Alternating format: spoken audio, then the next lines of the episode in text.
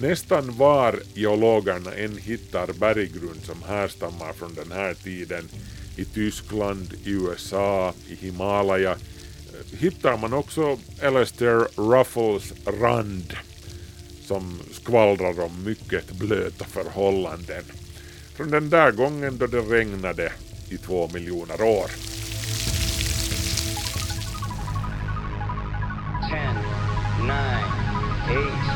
Ignition sequence start. Five, four, three, two, one, zero. Quantum leap. Salto quântico, salto quântico, salto quântico. Salto quantico. Salto. Kvanthopp, det du inte visste att du ville veta. När man har en månads sommarsemester och det råkar sammanfalla med blött och kyligt väder så då får man ju lätt den där känslan att ja men det regnar ju för jämnan nu för tiden. Men allt är relativt hörni. Det har varit värre, tro mig. Som den där gången då det regnade i två miljoner år i sträck. Då talar vi om en tid för mer än 230 miljoner år sedan som går under namnet den karniska regnepisoden. Det här var mitt i den geologiska perioden Trias. Och när jag säger regnepisod så menar jag inte en liten förbipasserande skur. Som sagt, regnet hällde ner i uppemot två miljoner år på hela jorden. Det här låter ju lite deprimerande för oss kontorsjobbande löneslavar. Men med tanke på att Trias var en ganska kruttorr period så kom det som en vitaminspruta för den tidens ekosystem. Eh, det långvariga regnet satte sprutt på evolutionen, det fick jorden att grönska och med grönskan kom växtätarna och sen kom köttätarna och så vidare. Och det här innebar alltså startskottet bland annat för dinosauriernas långa herravälde på jorden. Med andra ord, spänn upp paraplyet när du stiger ut ur tidsmaskinen för prognosen utlovar regntunga skyar för den kommande halvtimmen.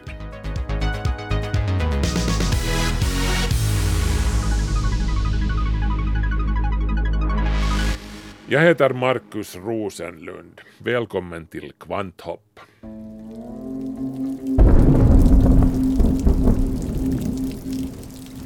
Ty sju dagar härefter ska jag låta det regna på jorden, i 40 dagar och 40 nätter, och jag ska utplåna från jorden alla varelser som jag har gjort.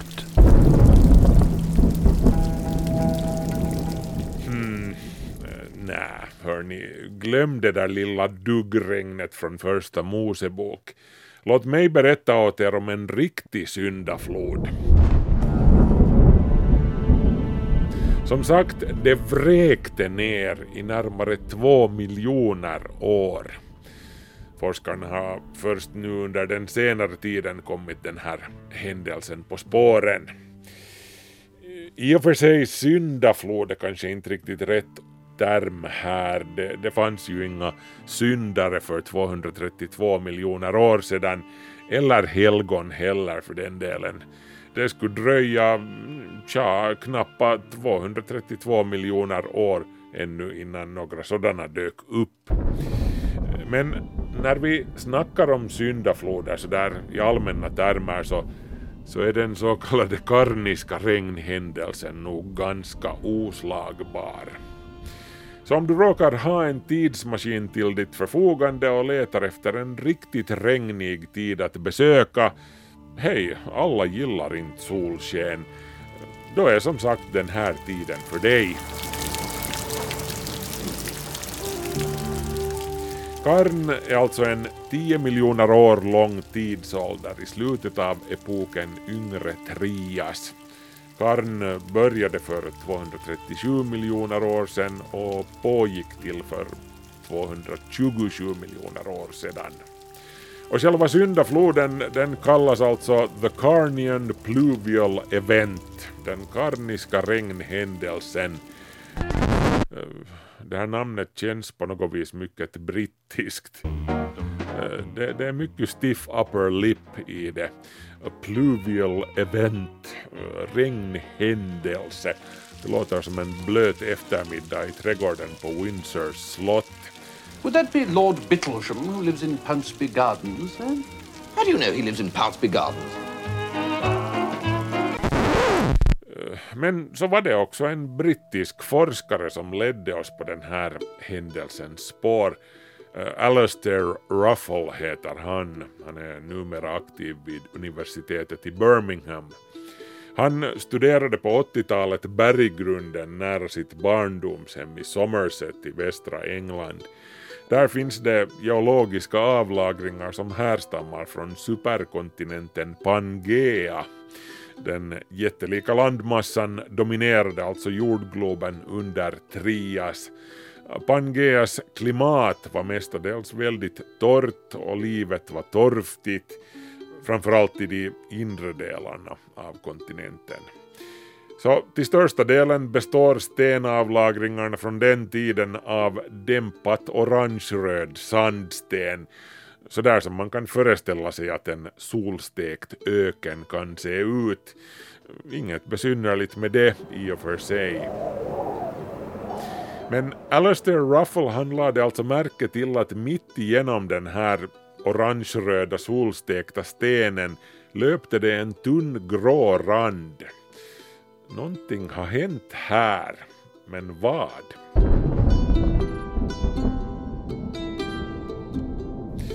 Sedimentära bergarter är ju lite som jordens egna historieböcker. Du kan bläddra dig ner genom avlagringarna och inom citat läsa om vad som har hänt när något visst eh, lager har avlagrats. En liknande rand, rik på metallen iridium, vittnar till exempel om asteroiden som slog ner och, och utrotade dinosaurierna för 66 miljoner år sedan. Men den här gråa randen från Karn som väckte Alastair Ruffles intresse, randen som bland annat går att beskåda i Lipe Hill i Somerset, den signalerar inte ond bråd död för dinosaurierna. Snarast tvärtom faktiskt.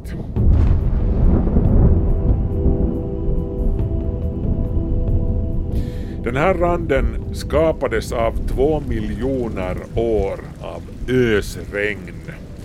Och den berättar om en stor förändring som med tiden ledde till att dinosauriernas långa tid som planetens härskare kunde börja. Randen i det Somersetska berget vittnar alltså om en tid då den karga, livlösa öknen spolades bort och ersattes av frodiga sumpmarker. Av någon orsak som Alastair Ruffle inte visste om då hade det skett en radikal klimatförändring från miljontals år av torrt som fnöske till alla himlens slussportar som slogs upp på vid gavel. Och de skulle alltså komma att stå öppna i närmare två miljoner år.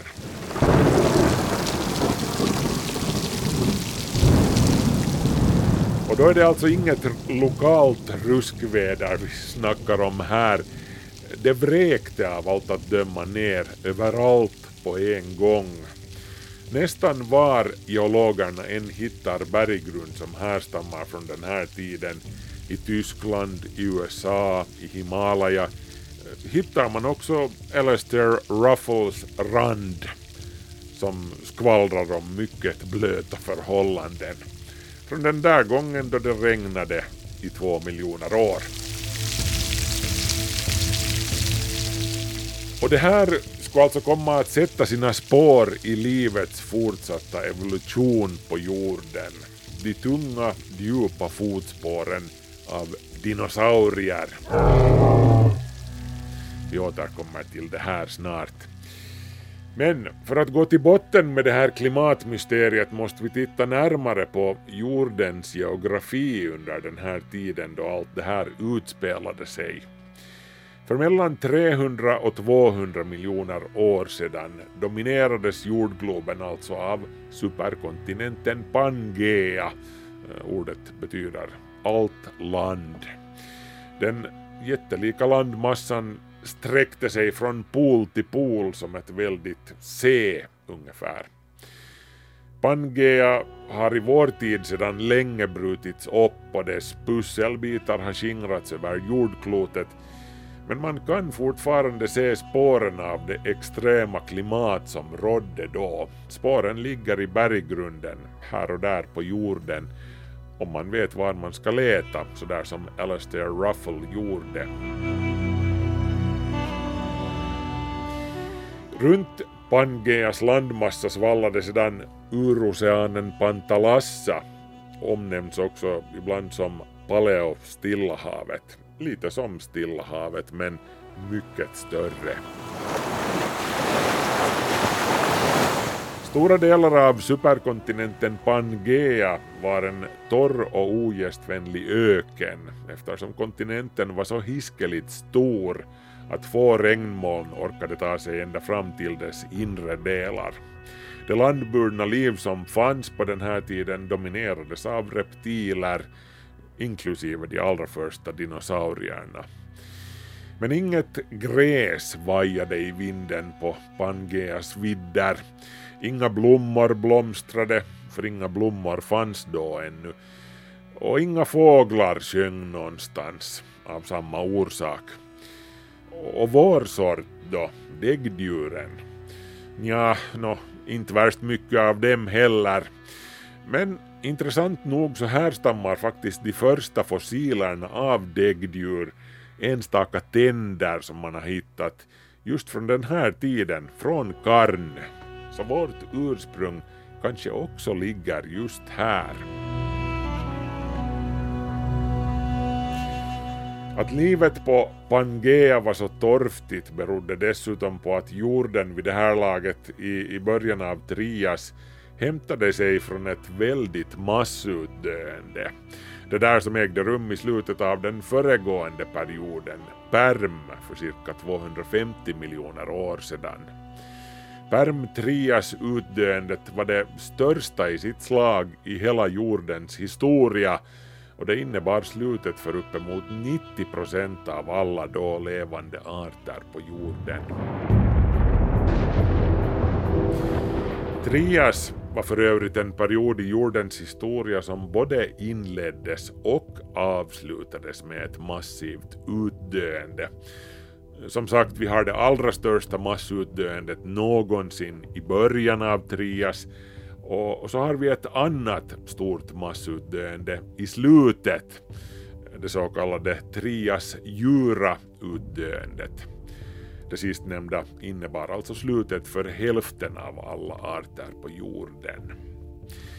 Länge utgick man ifrån att tiden mellan de här utdöendena förflöt någorlunda lugnt med den torra, heta och lite tråkiga superkontinenten Pangea som dominerade jordgloben.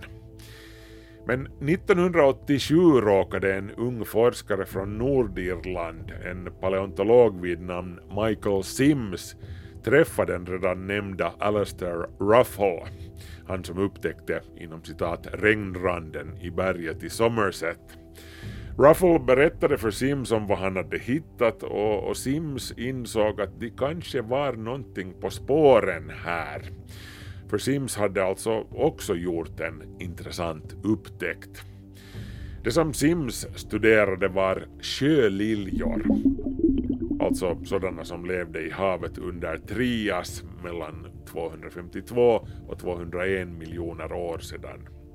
Sjöliljorna de existerar ju faktiskt fortfarande. De, de är en klass av vattenlevande djur fast de påminner mera om växter faktiskt. De ser ut som små färgglada palmer eller blommor och, och de sitter fast i underlaget med sin fot. Och deras förfäder levde alltså redan i, i de paleozoiska haven för 500 miljoner år sedan. Under sina postdoktorala studier vid universitetet i Liverpool hade Michael Sims upptäckt bevis för att sjöliljorna drabbades av ett större utdöende i mitten av Trias. Och hur det nu skulle råka sig så sammanföll det utdöendet med Alastair Ruffles inom citat syndaflod. Ruffle och Sims försökte sälja den här tanken att det finns ett samband mellan de två händelserna fick de kalla handen av det övriga forskarsamfundet. Men idag, mer än tre årtionden senare, börjar det finnas en allt starkare enighet inom vetenskapen om att Sims och Ruffle hade rätt trots allt. En radikal klimatförändring hade inträffat under Karn som på ett dramatiskt sätt förändrade livets förutsättningar på jorden. Men vad innebär det här i praktiken? Det, det, är ju lätt att föreställa sig ett två miljoner år långt ösregn som ett riktigt elände. Så svårt som vi 9-5 jobbande kontorsnissar har med alla andra vädertyper än soligt och varmt. Vilket har gjort oss till flyttfåglar som migrerar till Thailand och, och Teneriffa för att se solen. Men faktum är att livet under Trias och Karn alltså snarare tackade för det utdragna ösregnet. Jättekontinenten Pangea var som sagt inte någon värst behaglig plats för livet. Den var torr och den var ogästvänlig. Det här blir tydligt om man tittar på fossilavlagringarna från tiden före regnen. Det är överhuvudtaget väldigt lite spår av liv där. Men tittar du närmare på den gråa randen i berget så, så är det en annorlunda bild som målas upp. Mitt i allt det här rysliga, torra och livlösa materialet kan vi se den här randen som är fullspäckad med uråldrigt fossiliserat liv. Som hajtänder till exempel, säger Ruffle i en intervju för Nature. Avlagringarna från den här tiden, just i den här randen, de vittnar om enorma sjöar och floder och, och väldiga träsk och sumpmarker. Stenformationen som Ruffle studerade härstammade sannolikt från en uråldrig flod eller ett floddelta. Blöta miljöer fulla av både växt och djurliv. Men det fanns alltså död också i stor skala dessutom. Vissa livsformer avancerade men andra dog ut abrupt. Vad var grejen med sjöliljorna till exempel? Varför började de dö ut i drivor? I ett samtal med Michael Sims kastade Alastair Ruffle ur sig att hmm, kanske sjöliljorna inte tyckte om regn. Det var avsett som humor, men Sims nappade på tanken Massutdöenden orsakas ofta av klimatförändringar, så kanske fallet var så den gången också, under Karne. Hur som helst, uh, Ruffle och Sims författade en vetenskaplig artikel där de sammanfattade vad de hade kommit fram till. I den artikeln myntade de för första gången begreppet The Carnian Pluvial Episode, den karniska regnhändelsen. Dessvärre så, så klingade det hela för döva öron. Ruffles och Sims påståenden om en megaregnperiod mitt i kruttorra Trias utdömdes av de äldre forskarna som helt orimlig och man försökte förklara bort det hela med eh, lokalt förhöjda grundvattennivåer och liknande. Den stundvis rätt så giftiga kritiken från kollegorna gjorde Ruffle och Sims modstulna till den grad att de lämnade hela tanken om den karniska regnhändelsen åt sitt öde och gick vidare till andra sysslor inom geologin och paleontologin. Men fröet som de hade sått började hur som helst gro. Sakta men säkert började dyka upp allt mer bevismaterial i geologernas fältstudier som stödde tanken om den karniska regnhändelsen. inte minst från Italiens rikliga fossilavlagringar. Till slut gick det hela helt enkelt inte att ignorera längre och idag tenderar de flesta forskarna att acceptera att någonting i stil med det som Ruffalo Sims beskrev faktiskt ägde rum.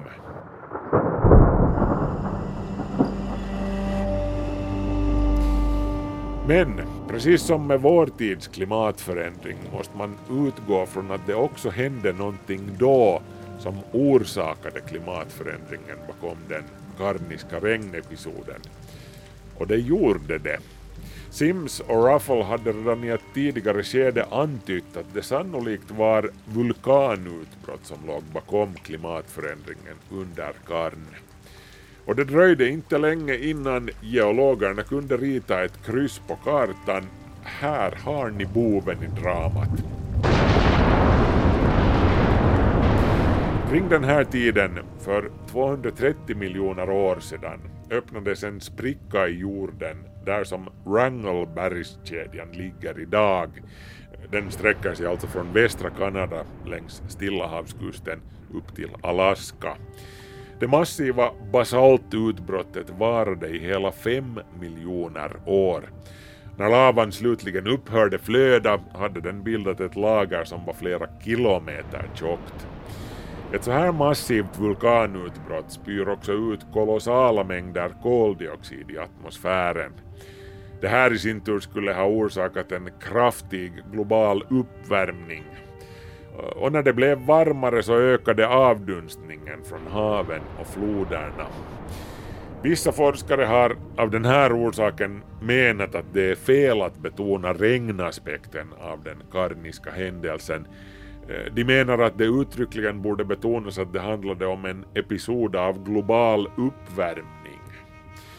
Men hur som helst beträffande orsaken bakom det hela så, så uppvisar analyser av stenfynd från den här tiden tydliga underskott av den tyngre kolisotopen kol-13. Och det här tyder på att stora mängder av den lättare kolisotopen kol-12 frigjordes i atmosfären vid den här tiden, precis som fallet är idag med våra utsläpp. Med andra ord, med tiden, an eftersom jorden värmdes upp och fukt avdunstade från haven, förvandlades jorden till en enorm fuktdrypande ångbastu. Och när atmosfären sen var tillräckligt mättad med fukt började regna. Och det regnade och regnade och regnade.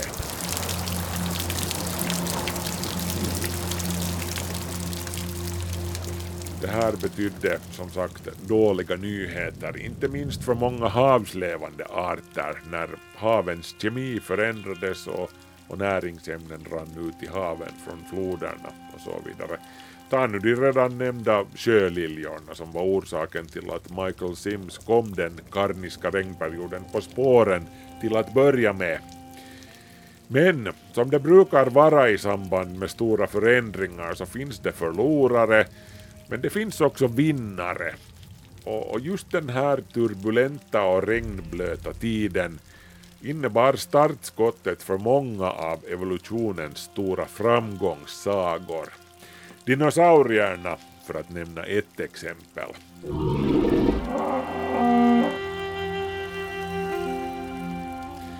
Fossilfynden tyder på att dinosauriernas historia började redan innan Karn för omkring 245 miljoner år sedan. Men om de här tidigaste protodinosaurierna vet forskarna ganska lite och det handlar hur som helst bara om en handfull arter som är kända från den tiden. Eh, det som är säkert är att Karn, som alltså infaller under yngre Trias, var tiden då dinosauriernas utveckling tog skruv rejält.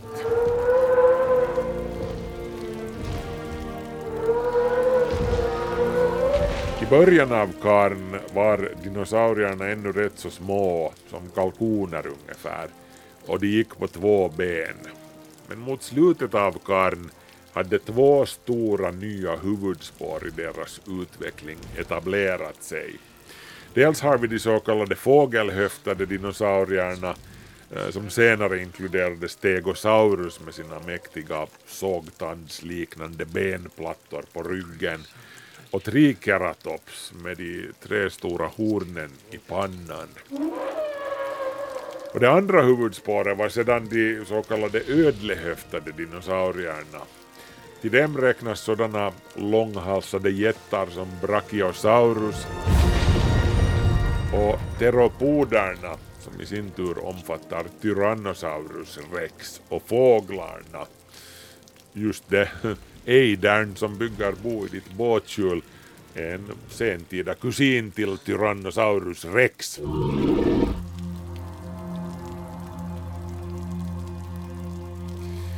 Men det var ingen självklarhet att det skulle gå så här att, att dinosaurierna blev herrar över planeten för de kommande 150 miljonerna åren.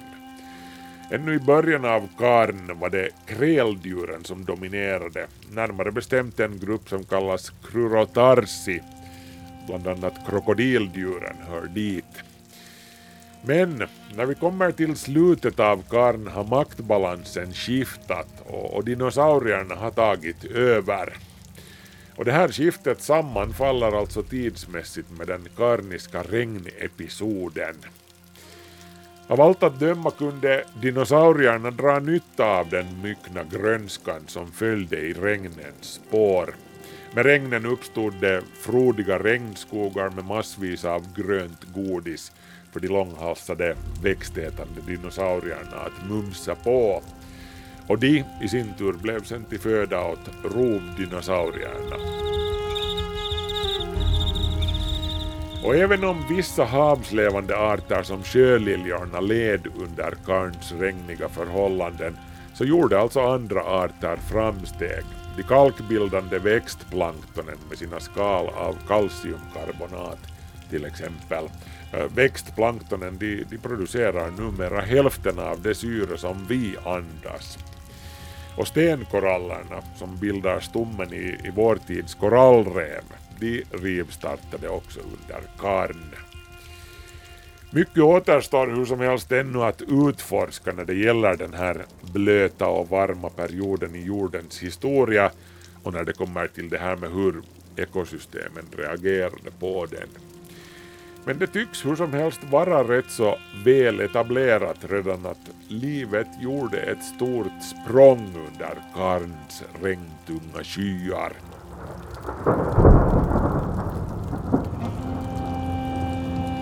Och som sammanfattning av, av hela den här bilden, jordens ekosystem återhämtade sig som sagt vid den här tiden ännu från det ofantligt destruktiva massutdöendet som markerar skiljelinjen mellan Perm och Trias.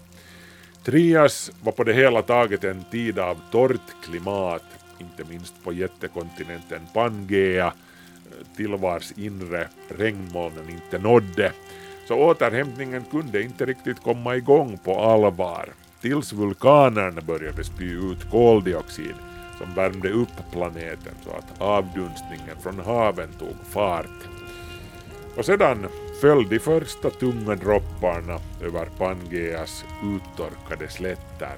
Det tackade livet för under de två årmiljonerna som följde.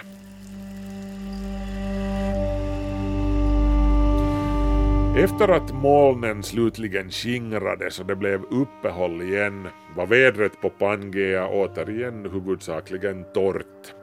Men livet på jorden hade förändrats för gott. Den förändringen ledde med tiden också till att vi kom till. Tänk på det nu i sommar om det skulle råka regna under semestern. Saker och ting skulle se väldigt annorlunda ut här om det inte vore för det där två miljoner år långa regnvädret en gång för länge, länge sedan.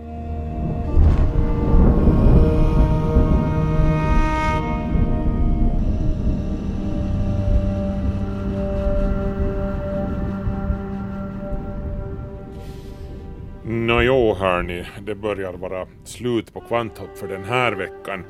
Vi ska hoppas att ni får ett soligt veckoslut trots allt snack om regn här under den gångna halvtimmen.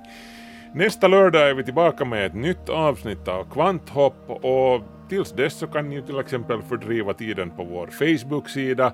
Ni kan också kontakta oss den vägen eller skriva till e-postadressen kvanthoppsnabelayle.fi.